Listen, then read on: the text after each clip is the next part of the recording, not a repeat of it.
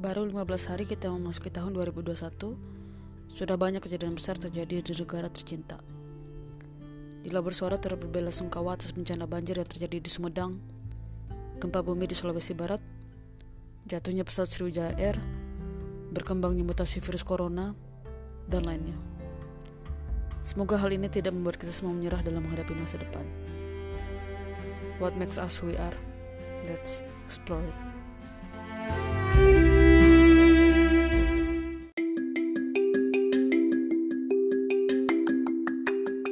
Hai, konnichiwa, watashi no podcast ni yakoso. Hai, welcome to my podcast. Halo, selamat datang di podcast saya, Dila Bersuara.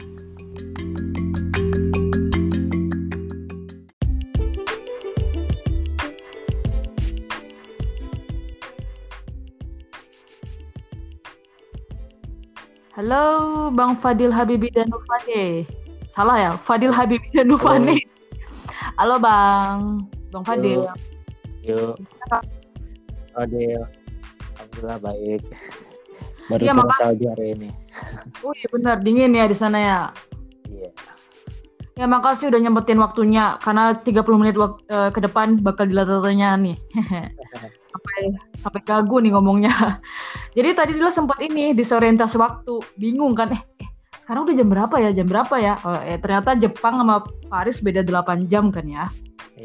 Sekarang seperti baru jam 10 kayaknya udah udah message dia. Iya disorientasi waktu, gomen nih. Ya udah apa apa sih. Nah, untuk informasi buat para pendengar semua, mungkin eh, pada bingung nih, kok bisa sih Dila yang di Jepang sama Bang Fadil yang di Prancis bisa saling kenal. Jadi kita tuh awal mulanya kenal di PPI ya Bang ya, di PPI Jepang. CPI Jepang ya. PPI Jepang tahun 2016. Nah, untuk lebih detailnya boleh nggak sih Bang eh, di-share latar belakang Abang waktu di Jepang ataupun di Indonesia sama pekerjaannya? Ya, jadi em, nama saya Fadil Habibi Danufane. Di Indonesia saya eh, kerjaannya adalah PNS, lebih tepatnya peneliti di Lembaga Ilmu Pengetahuan eh, Indonesia atau LIPI. Kantornya itu saya di Bandung. Nah, jadi saya em, S2 saya di Jepang di Kanazawa University gitu ya. Dari tahun 2015 sampai 2017. Nah, pada tahun 2016 itu, pada tahun kedua saya itu, saya bergabung dengan diundang sama teman untuk bergabung di PPI Jepang dan kebetulan waktu itu ada saya bergabung sebagai salah satu member di divisi yang diketahui oleh si Dila ini. Gitu. Divisi apa namanya dia dulu? Kominfo, komunikasi dan informasi. Komunikasi dan informatik. Jadi saya tahun 2017 pulang eh, lanjut kerja di LIPI kerja setahun ya 2018 dan 2018 saya mendapatkan beasiswa lagi untuk S3 kali ini di Prancis gitu. Jadi saya masih S3 sekarang di Prancis. Mudah-mudahan tahun ini bisa kelar. Wow, 2018, 2021. Wih, tiga Iya. tahun bang. Kelar, keren banget. Standarnya emang tiga tahun ya. biasa tiga tahun di sini deh. Oh gitu. Anyway, kenapa dari dari kuliah S2 di Jepang terus eh, nggak balik ke Jepang, malah ke Prancis? Jadi dulu selesai apa sekitar enam bulanan sebelum sidang S2 sebenarnya saya punya niat juga untuk lanjut di Jepang. Jadi saya S2 itu kan pakai beasiswa namanya Monbuka Gakusho atau Hmm. MAX ya. Nah, waktu itu sempat ada keinginan ah pengen lanjut aja lah S3 di Jepang gitu. Kebetulan eh, banyak juga kita orang itu sebenarnya eh, gampang kalau udah dapat S2-nya Monbusho S3-nya bisa lanjut Monbusho gitu, formalitas aja gitu kan. Nah, saya sampaikan ke sensei saya bahwa saya pengen lanjut S3 pakai beasiswa yang sama.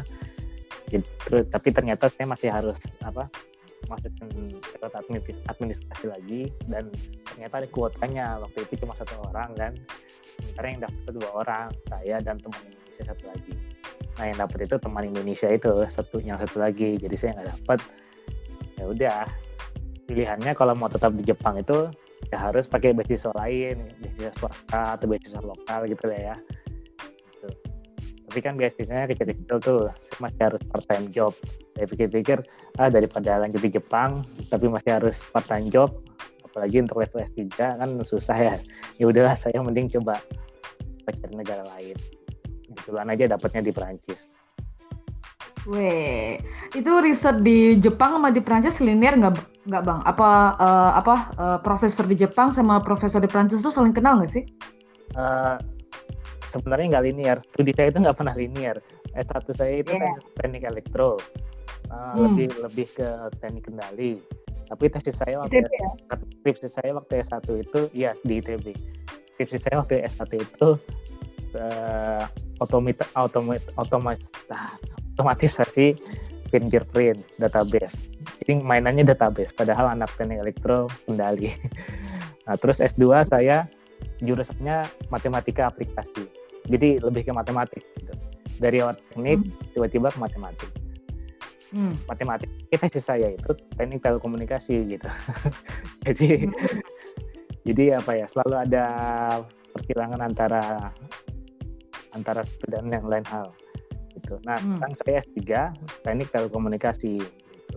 Hmm. Jadi, jadi kalau S2 itu profesor, profesor saya itu orang matematik, sekarang profesor saya orang teknik gitu. Jadi pindah-pindah terus saya dari teknik matematik teknik lagi.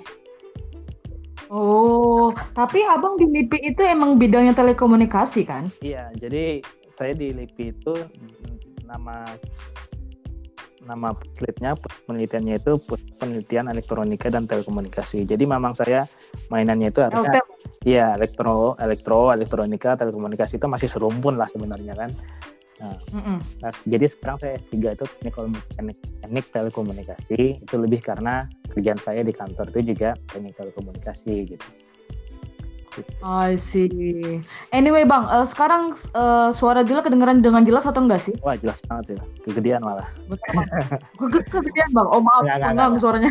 Enggak enggak, biasa aja. Bang. Nah ngomong-ngomong tentang sinyal nih, sekarang kan dunia tuh lagi heboh dengan sinyal yang yang katanya bakal ada sinyal 5G bakal diterapkan di mana-mana gitu kan. Uh, padahal sinyal 4G juga di Indonesia mungkin beberapa daerah belum sampai gitu. Nah, kalau di Prancis sendiri gimana sih? Sekarang sinyal yang dipakai itu sinyal jenis 4G atau 5G atau 3G? Hmm. Jadi 3G, 4G, 5G itu uh, kurang tepat kalau disebut sinyal. Mereka itu lebih tepat disebut sebagai standar lah. Generasi wow. standar. Jadi standar itu apa? Jadi 3G, 4G, 5G itu tepatnya lebih tepatnya itu standar. Nah, standar itu sudah menentukan uh, biasanya perusahaan uh, telekomunikasi, terus para peneliti, terus orang-orang pemerintah juga. Jadi biasanya ada forum dunia tiap tahunnya itu, tiap tiap berapa tahun sekali, tiap tahun itu ada ada semacam konsorsium gitulah ya, kayak conference workshop gitu untuk membahas ini. Nah, jadi uh, gitu ceritanya. Jadi 3G, 4G, 5G itu lebih tepatnya disebut standar. Standar. Ya. Terus teknologi yang bisa yang bisa tanda-tanda tersebut itu yang biasanya kita sebut uh, oh ini teknologi 5G, ini teknologi 4G. Oh, jadi lain kali tuh para, para pendengar juga harus ganti nih, jangan pakai sinyal lagi. Iya. Oh, sinyalku masih sinyal 3G nih, sinyalku masih sinyal 4G nih. Harusnya yeah. bilang, tapi panjang yeah. banget bang kalau pakai sinyalku standar itu jadi kalau misalnya HP-nya ada tulisan 3G tapi nggak ada 4G itu artinya HP-nya masih pakai teknologi 3G gitulah belum ada belum jadi mungkin infrastruktur 4G-nya belum ada di Indonesia sehingga HP-HP-nya hmm. sendiri itu ya masih HP yang teknologi 3G gitu maksudnya. Hmm, hmm, hmm. Nah, kalau di Prancis sendiri umumnya gimana tuh? 4G, tapi belum 5G. Oh, belum masuk sama sekali 5G di Prancis. Ya belum komersil lah. Oh masih belum terlalu komersil. Hmm. Baru, ya masih uji coba. Gitu. Huawei masih uji coba, Orange masih uji coba. Oh. Belum, saya belum melihat ada orang HP-nya 5G. Oh. Nah, ngomong-ngomong tentang masa uji coba nih. Nah, Dila kan kepoin tentang ini apa profilnya Bang Fadil nih. Terus Dila temu nih salah satu dari kolisnya hmm. Bang Fadil ini neliti tentang 6G. 5G belum selesai ternyata 6G udah diteliti. Nah, bisa Abang jelaskan nggak sih di 6G itu ngapain sih? Oh ya, jadi ya karena seperti yang saya bilang tadi kan 2020 itu memang seharusnya sudah tahunnya 5G gitu. Jadi sudah seharusnya kita mulai mikirin untuk generasi berikutnya yaitu 6G gitu. Walaupun kenyataannya si 5G sendiri belum belum belum belum belum banyak komersialnya ya gitu. Tapi ya namanya tradisi mungkin ya mungkin karena tradisi jadi orang ya oh, udah 2020 nih kita harus mikirin 2030 6G ya udah orang mulai udah mondang-mondang mikirin 6G itu tapi uh, tapi sebenarnya nggak masalah juga menurut saya jadi kan nanti teknologi apa nih yang 6G segala macam nanti teknologi apa emerge yang muncul yang unggul dibandingkan teknologi lain yaitu dijadikan teknologi 6G aja gitu aja sih gampangnya hmm. tapi jadi intinya kita tetap berinovasi tetap hmm. meneliti tetap mencoba mencapai target yang lebih baik baik itu dari segi latensinya data rate-nya ataupun keamanannya gitu. hmm. Ya kalau soal 5G 6G itu soal masalah dagang sih. Kalau bagi saya dari sudut pandang peneliti seperti saya ya itu cuma masalah merek dagang aja gitu 5G 6G itu. Tapi yang penting ya komersialisasinya itu kan urusan lebih ke urusan industri hmm. sebenarnya ya gitu. Tapi yang yang penting itu kita sebagai peneliti itu tetap, tetap meneliti tetap berinovasi sambil kita tetap ikuti juga tren pasarnya itu kayak gimana nah ini mungkin pertanyaan dari orang awam nih bang uh, gimana sih cara para peneliti yeah. tele telekomunikasi itu neliti? Soalnya gini, kan tadi kan kalau kita ngomongin tentang 5G, ngomongin tentang 6G, kita bakal butuh base station atau BS kita sebutnya kan. Nah, sedangkan BS itu sendiri kalau yeah. di iya. komersial nggak ada. Nah, para peneliti uh, telekomunikasi ini yang termasuk salah satu telekomunikasi 5G, 4G, 6G itu gimana sih cara risetnya? Pakai komputer kah, simulasi kah, atau malah bikin BS sendiri di labnya? Gimana sih? Jadi riset eh, bidang telekomunikasi itu kan luas ya, gitu. Itu satu satu uh, apa namanya bidang studi sendiri dan itu sangat luas gitu. Nggak bisa nggak bisa satu orang bilang saya ahli orang telekomunikasi. Nanti orang nanya hmm. kamu meneliti bagian apanya? Gitu. Bagian bagian misalnya physical layernya kah? Apa data, data layernya kah? Apakah layer lainnya kah? Karena komu proses komunikasi itu sendiri dari sejak uh, sinyal di generate, di decoding, terus dikirimkan melalui media entah itu kabel maupun wireless sampai diterima, sampai di decode, terus diolah lagi sinyalnya, terus sampai kita muncul muncul data yang kita inginkan di laptop kita di HP kita itu itu layernya banyak. Ada istilahnya OC layer ya. Orang teknik komputer atau teknik uh, telekomunikasi pasti ngerti. Nah itu layernya ada tujuh kalau nggak salah ya. Saya juga kurang hafal. Nah itu tiap layernya sendiri hmm. itu papernya udah bisa bisa bisa ribuan per minggu per bulannya jadi telekomunikasi mulai dari mengenerate data sampai menerima data itu itu itu banyak risetnya banyak layernya banyak uh, bidangnya jadi Nah saya bisa dibilang riset saya itu di bidang physical hmm. layer, gitu.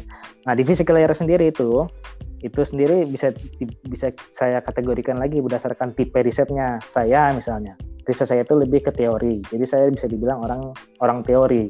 Saya lebih uh, berkutat dengan uh, teori elektromagnetik saya nulin rumus terus kalau udah ketemu rumusnya saya simulasikan benar nggak sih antara yang saya turunkan dengan kenyataan di kenyataan uh, nya atau atau yang sudah sama nggak sih hasil saya itu? Kalau hasilnya sama oh ah, kayak kerja orang teori itu gitu. Hmm. teori rumus matematik keluar rumus saya kan bener nggak gitu? Akurat apa enggak gitu. Eksperimental. Orang eksperimental itu kerja. Kalau saya nurun rumus mereka bikin prototype misalnya mereka meneliti tentang antena yang berarti mereka bikin antenanya. Mereka nguji antenanya di chamber. Chamber itu kayak ruangan tapi kedap sinyal dari luar gitu loh. Jadi di, di dalam chamber itu cuma ada sinyal elektromagnetik dari dari device kita hmm. nah itu orang eksperimental ada lagi namanya orang yang sebenarnya bisa dibilang itu sih eksperimental sama teori ada juga campuran keduanya Terus ada juga orang yang meneliti telekomunikasi itu dari uh, dari aspek bisnisnya. Itu itu udah beda lagi ilmu yang dipakainya. Gitu. Jadi ada yang kualitatif, hmm. risetnya kualitatif, nggak kuantitatif kayak saya orang. Nah itu macam-macam. Gitu. Jadi kalau ditanya risetnya seperti apa, tergantung dia itu orang teori atau eksperimental. Orang teori berarti kayak saya. Tapi sama belum saya nulis paper kali paling butuh komputer aja buat nulis papernya tapi kalau orang eksperimental biasanya memang lebih uh, lebih apa ya lebih butuh banyak uh, kerja di labnya di lab uh, bikin device Hmm. ya lebih kompleks lagi alatnya gitu. I see. Oh, anyway ya Bang ya, uh, karena kita ngomongin tentang sinyal juga nih ya, ngomongin standarisasi sinyal juga. Ini kebetulan komunikasi kita juga nggak Hmm. lancar nih. Tadi kan uh, sempat ngebahas Iya. tentang BS nih, tentang base station. Base station 4G, Iya. base station 5G, base station 2G itu bisa sama atau beda beda nggak sih bentukannya? Ada standarisasi station juga bentukan nggak itu sih? maksudnya Jadi gini, kan eh, tema kita tuh sebenarnya menara Eiffel. Bisa nggak sih jadi pemancar sinyal standar Hmm. 5G gitu kan? nah, kalau dibalikin lagi ke topik, eh, apakah menara Eiffel itu bisa jadi jadi pemancar standar sinyal 5G? kalau ditanya bisa atau tidak ya bisa kenapa bisa Hmm. Kenapa karena bisa? karena base station itu idealnya kan di lokasinya adalah tempat yang lok- apa pemancar base station ya transmitter sama aja mereka itu. Nah itu idealnya lokasinya adalah tempat di mana antara transmitter dengan HP kita itu ada langsung loh. Tidak terhalang apa pun tidak terhalang bangunan tidak terhalang pohon tidak terhalang sebagainya gitu kan? Gitu. Nah kenapa sebenarnya terhalang apa apa karena namanya sinyal elektronik itu kalau di udara dia nabrak sesuatu entah itu pohon bangunan atau kan badan manusia. Itu sinyalnya jadi lemah. Gitu. sinyal tetap nyampe ke kita tapi lemah gitu. Loh nah kan kita nggak pengen sinyalnya nyampe lemah kan? Kalau si- sinyal lemah kan nanti pengaruhnya ke data rate-nya ke latensinya. Nanti kita koneksinya putus. Nah mungkin ini salah satu sinyal yang jelek gara-gara lagi salju juga di sini Iya. kali ya. Tahu. Oh, gitu. Nah jadi di mana kita harus taruh base station supaya nggak ada padding.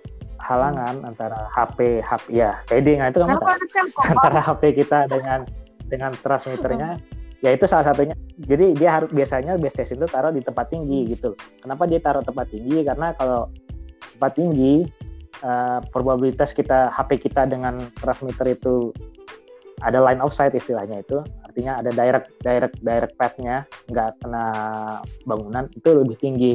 Hmm. ya nggak sih Iya kan ya? Gitu. Secara intuisinya gitu. Nah jadi nggak ada kamu biasanya nemu base station cuma satu meter dua meter dari tanah ya nggak ada. banget. nggak nyampe nggak sampai nggak sampai sinyalnya ke HP kamu Iya. gitu. Makanya base station itu taruh tempat tinggi beda lagi kalau sama hotspot atau wifi. Wifi itu kan emang khusus Hmm. indoor ya. Jadi dia nggak perlu ditaruh tempat-tempat tinggi. Taruh di lantai juga masih bisa nyampe. Nah jadi kalau ditanya base station bisa nggak sih taruh di Eiffel? Ya, bisa aja. Menurut Eiffel kan 300 tinggi. meter. taruh base station di puncak. Ya taruh base station di puncak ya sekitar or- orang-orang sekitar Eiffel bisa lah dapat sinyal dari situ. Tapi pertanyaannya adalah penting nggak sih naruh base station di atas Eiffel itu gitu? Karena kan lebih dari eh, bangunan tinggi kan banyak di Paris ya. Dan base, base station itu kan base station itu kan nggak bisa cuma satu satu kota itu cuma ada satu. Terus eh, melayani semua pengguna di satu kota itu kan nggak mungkin.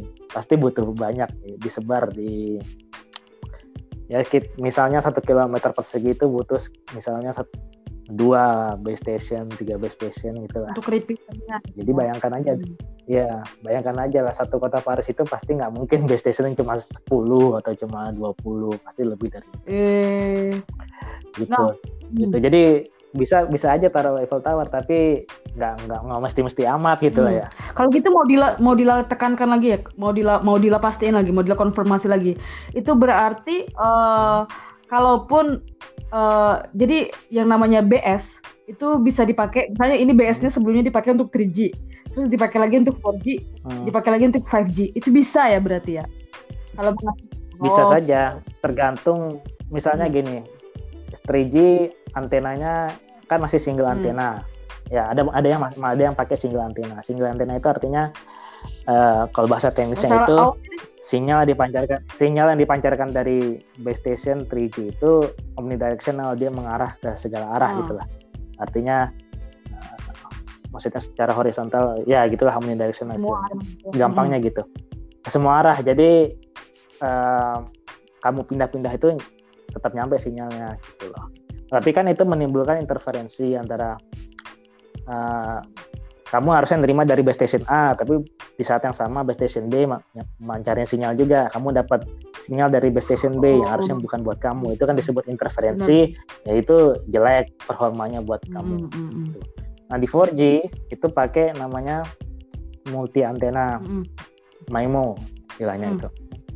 Nah dengan MIMO kamu uh, multi sinyal itu nggak ya. lagi nggak nggak nggak lagi omnidirectional tapi uh, ada directionnya ada beamformingnya. Jadi lebih lebih lebih punya direction hmm. lah gitu. Artinya kalaupun base station B kamu menerima data dari base station A. Tapi base station B juga mencar sinyal. Tapi karena dia pakai MIMO dia bisa me mengarahkan sinyalnya khusus ke pengguna lain. Jadi nggak nyampe ke kamu sinyalnya gitu bisa. Nah bedanya apa 3G sama 4G tadi? Artinya kan yang bedanya itu antenanya ya. hmm. ya. Jadi base stationnya, maksudnya base station itu kan gedung hmm. gitu, atau semacam fasilitas di mana di situ ada sinyal processing, ada antenanya, ada kabel-kabel dan sebagainya. Itu kita sebut base station.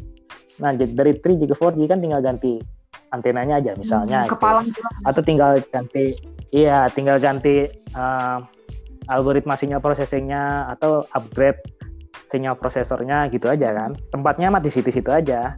Yang diganti itu salah satu komponen dari uh, menara pemancarnya itu gitu. Gitu aja. Jadi bisa aja kita ganti generasi dari 3G ke 4G, 4G ke 5G, tapi base stationnya di situ-situ aja bisa. Kecuali yang seperti saya bilang tadi, di 5G itu kita kan uh, salah satu propos proposalnya kan menambah jumlah base station. Nah itu hmm. mau nggak mau harus nambah lagi. Hmm. Yang sudah ada di keep tapi tetap ditambah. Bang, nah itu bedanya. Uh, bedanya 4G sama 5G itu. Jelas hmm. banget ini penjelasannya. Makasih banget loh udah ngejelasin ke kita semua. Sebenarnya latar belakang kenapa yeah. kenapa topik hari ini tuh ngebahas tentang uh, menara Eiffel uh, sebagai pemancar sinyal untuk 5G.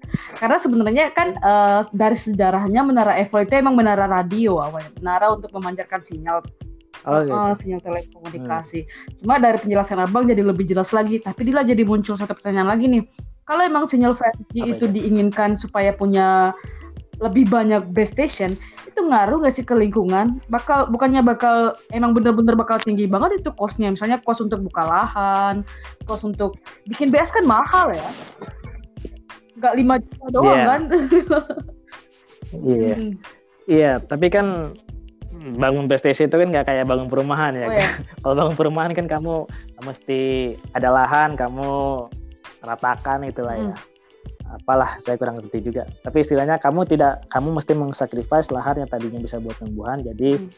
perumahan itu kan contohnya gitu tapi kalau kamu eh, bangun base station baru base station baru itu kan nggak harus kamu bikin gedung baru deal hmm. karena kamu bisa juga pakai oh, seperti yang saya bilang tadi ya? Gedung misalnya ada gedung tinggi hmm. kamu pengen pasang base station di atap gedung itu kan bisa. Iya benar-benar. Gitu. Ya contohnya nih. Kalau kalau oh, mungkin ya, kalau sinyal prosesornya nggak terlalu ribet buat kamu, tinggal hmm. atur perizinannya aja gitu loh. Artinya dari dari segi lingkungan maksudnya dari segi buka lahan yang nggak buka lahan jadi nggak ada nggak ada kompromis hmm. ke lingkungannya kalau kalau soal itu gitu loh. I see ini jelas banget nih jadi mungkin bagi para pendengar nih yang dulunya kuliah di Unan atau masih di kuliah di Andalas nih itu di gedung apa ya di gedung lupa dila itu ada sih sinyal sinyal apa e, menara BTS yang ditaruh di atas gedung sesuai yang kayak Bang Fadil bilang. Wow.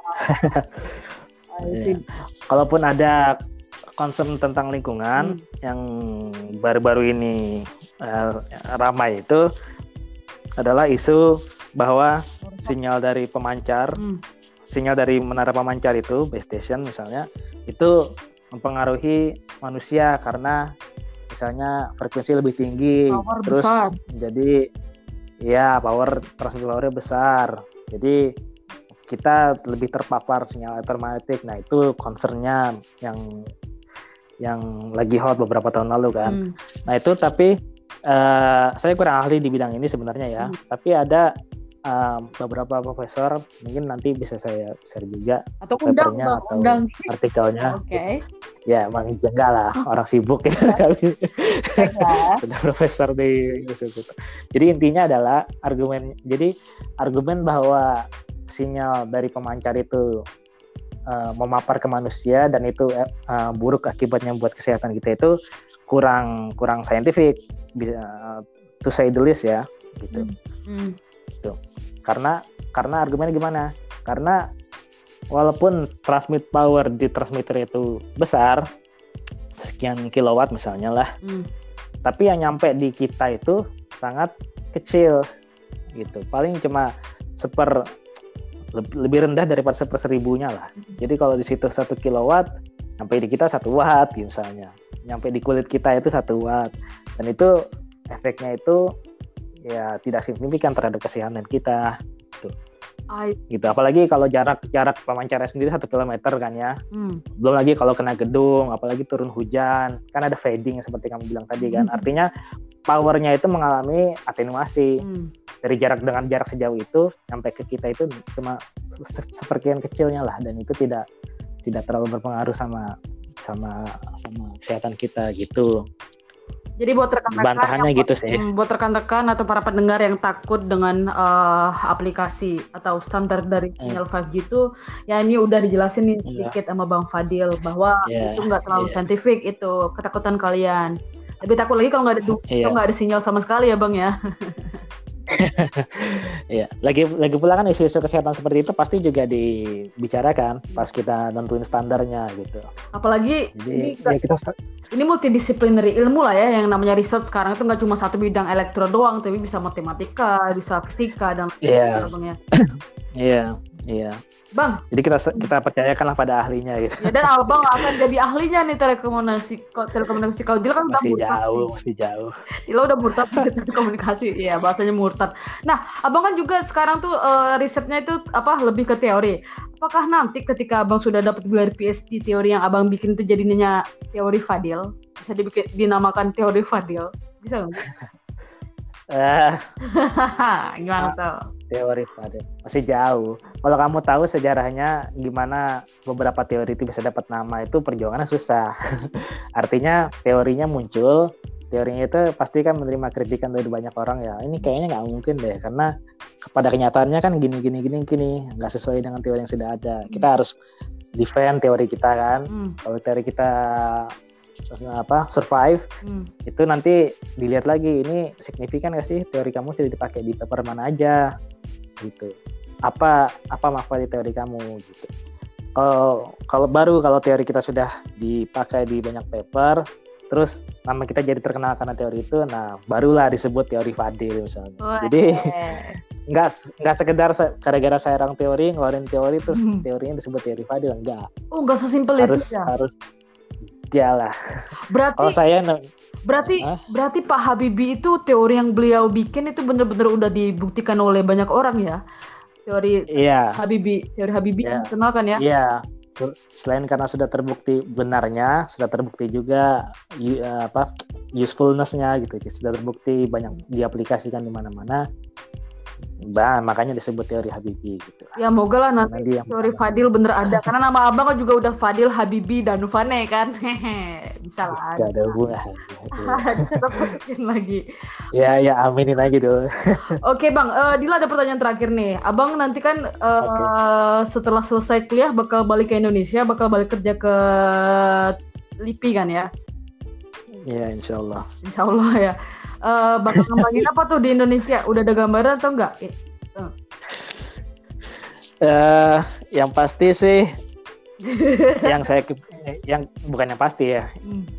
normalnya orang kalau kembali ke kalau misalnya setelah PhD dia di- diterima kerja di mana itu uh, biasanya dia meneruskan topik yang dia kerjakan pas PhD salah satunya gitu kan Hmm. sambil dia uh, mengembangkan diri dengan menjelajah topik lain gitu.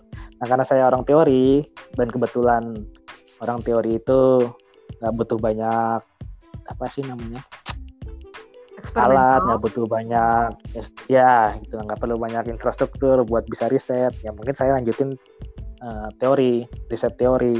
Tapi tidak menutup kemungkinan kalau misalnya saya pulang itu saya apply dana penelitian ke misalnya ke Kemenristek Dikti atau uh, funding body di luar di Asia ataupun di Eropa dan saya dapat dana lumayan gede ya kenapa enggak kita riset eksperimental juga gitu karena kan ya faedahnya lebih banyak juga riset eksperimental itu gitu.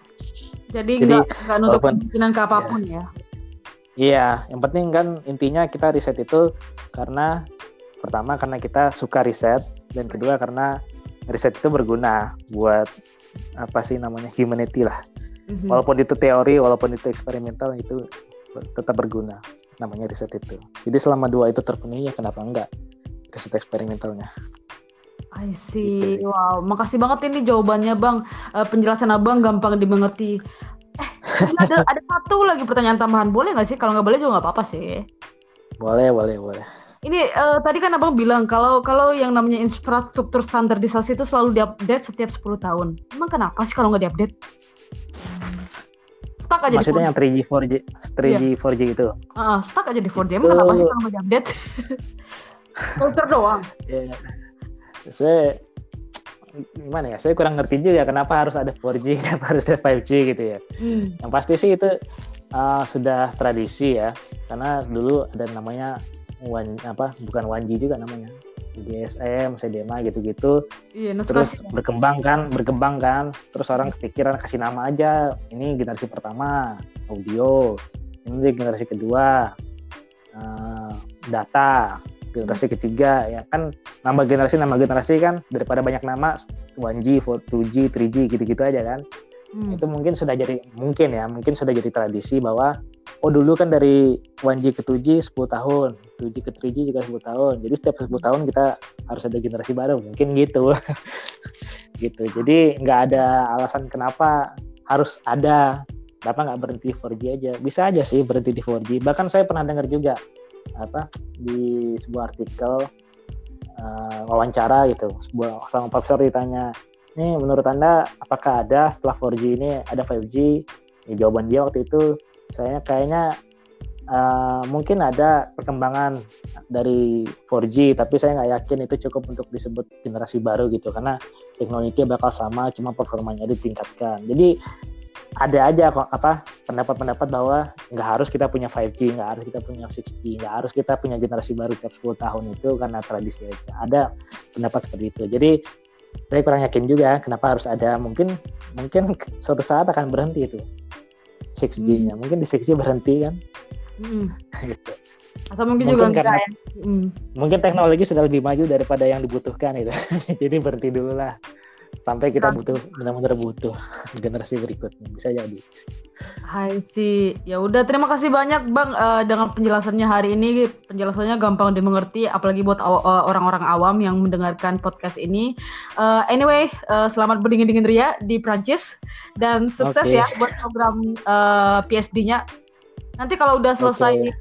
udah udah publish jurnalnya bolehlah di share-share ke kita. Iya. yeah